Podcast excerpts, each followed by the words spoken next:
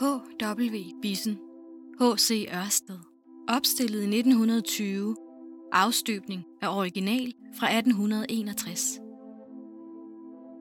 På gåsetorvet i Rodkøbing står en bronzeskulptur af et af Rodkøbings mest kendte bysbørn, H.C. Ørsted, som blev født i Rodkøbing i 1777 som søn af byens apoteker. H.C. Ørsted var fysiker og kemiker, og han gjorde flere banebrydende opdagelser. I 1820 blev han verdenskendt, da han opdagede elektromagnetismen, forbindelsen mellem magnetisme og elektricitet. Mit navn det er Troels Krøyer, og jeg er formand for noget, der hedder H.C. Ørsted-selskabet i Rudkøbing. Og det er et selskab, der bliver drevet af frivillige mennesker, der grundlæggende ønsker at gøre unge mennesker interesserede i øh, naturvidenskab. Og når vi tager udgangspunkt i øh, unges interesse for naturvidenskab og kobler det sammen med Ørsted, så er det fordi Ørsted jo var en stor kulturpersonlighed, udover at han var en stor øh, videnskabsmand.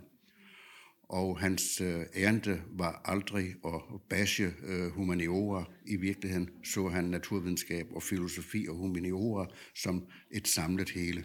Så derfor øh, er han et godt udgangspunkt for at gøre unge mennesker interesserede i naturvidenskab. Han var en mand, der havde mange titler, talenter og interesser. Han var blandt andet professor i kemi og fysik ved Københavns Universitet, og hans interesse for naturvidenskabelig undervisning kom til udtryk i nogle meget brugte lærebøger, og ikke mindst gennem hans afgørende rolle ved den polytekniske læreranstalt, hvor han var direktør for oprettelsen i 1829 til sin død i 1851. Når vi befinder os her i Rudkøbing, så er det jo selvfølgelig fordi, at øh, H.C. Ørsted blev født i 1777 her i Rudkøbing. Han var den ældste af den daværende apoteker Søren Ørsteds børn, og allerede 14-15 måneder efter blev hans lillebror Anders Sandø født. Og det viste sig jo ret hurtigt, at øh, de var to helt usædvanlige begavelser. Og øh, det var så, så uheldigt, at der ikke var nogen skoler på Langeland eller i Rydkøbing på det tidspunkt. Så det var sådan lidt tilfældigt og sporadisk, hvad de fik lært ude i byen. De blev sendt på den anden side af gaden over for apoteket, hvor der boede en tysk parrykmager. Og øh, denne tyske parrykmager, han kunne lægge sammen og trække fra, men han kunne ikke gange og dividere, så den boglige indsigt, de fik ved at, at gå hos ham, den har været stærkt, stærkt, stærkt begrænset. Men til gengæld fik de lært tysk som deres modersmål, og de blev dobbeltsprogede. Og det gjorde, at øh, begge de to øh, knægte som øh, unge teenager sad nede på apoteket og læste tyske filosofer på originalsproget. Og en af de filosofer, de var meget interesseret i, det var Immanuel Kant. Og det kom til at præge deres indsats inden for henholdsvis naturvidenskab og inden for jura i hele deres respektive karriere. H.C. Ørsted var ikke kun videnskabsmand. Han havde en bred vifte af interesser. Han tog for eksempel aktiv del i guldalderens kulturliv. Han skrev digte, anmeldte litteratur, var frontfigur i selskab for trykkefrihedsrette brug. Og han var venner med kendte skikkelser fra samtiden, som H.C. Andersen og Adam Øenslager. H.C. Ørsted, han blev i virkeligheden farmaceut, for der var ikke noget national, øh, naturvidenskabeligt studium på universitetet og han bestyrede faktisk også øh, Løveapoteket i København i et års tid, inden han drog ud på sin første store udenlandsrejse. Og her kom det ham jo til enorm gavn, at han beherskede tysk til fuldkommenhed, og det gjorde, at han fik et kæmpe udbytte af de videnskabsmænd, han mødte på sin tur, ikke mindst i Tyskland, på vej til Paris. Og da han kom til Paris, så måtte han bruge et par uger på at lære sig fransk, og han lærte fransk meget, meget hurtigt, sådan så han kunne holde forelæsninger og foredrag på fransk. Så udover at han var en stor øh, naturvidenskabelig begavelse, så var han altså også et enormt sprogtalent.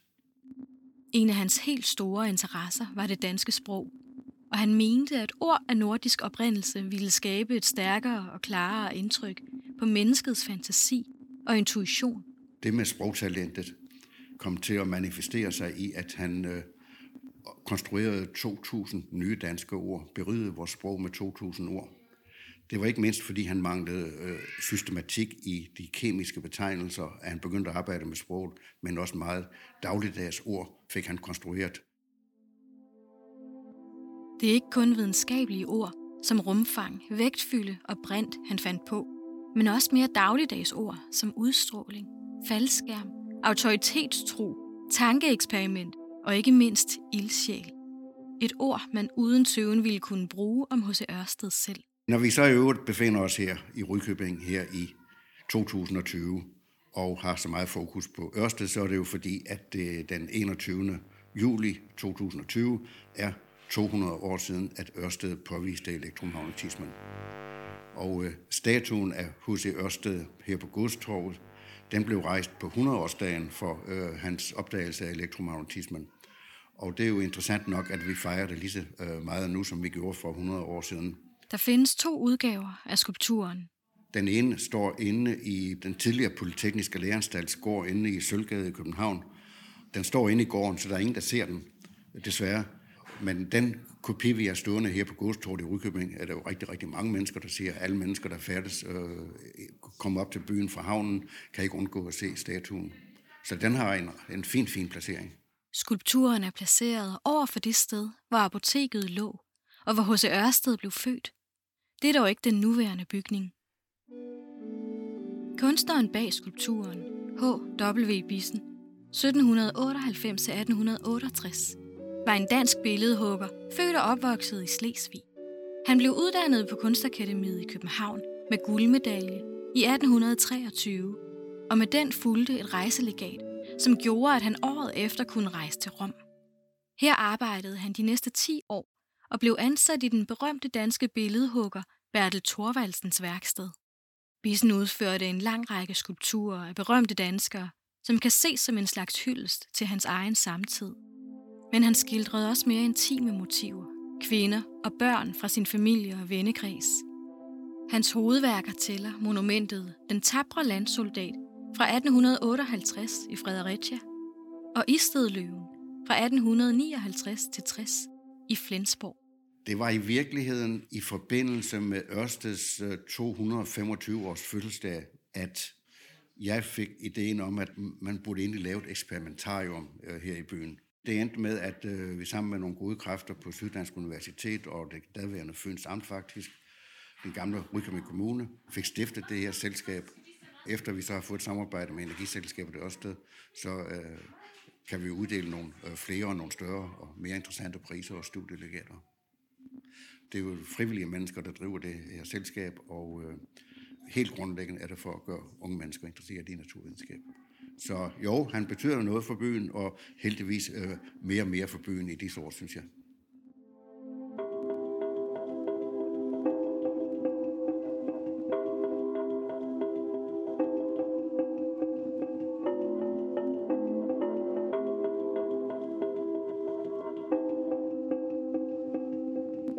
Du har lyttet til kunsten. Medvirkende er formand for H.C. Ørsted-selskabet Troels Krøyer.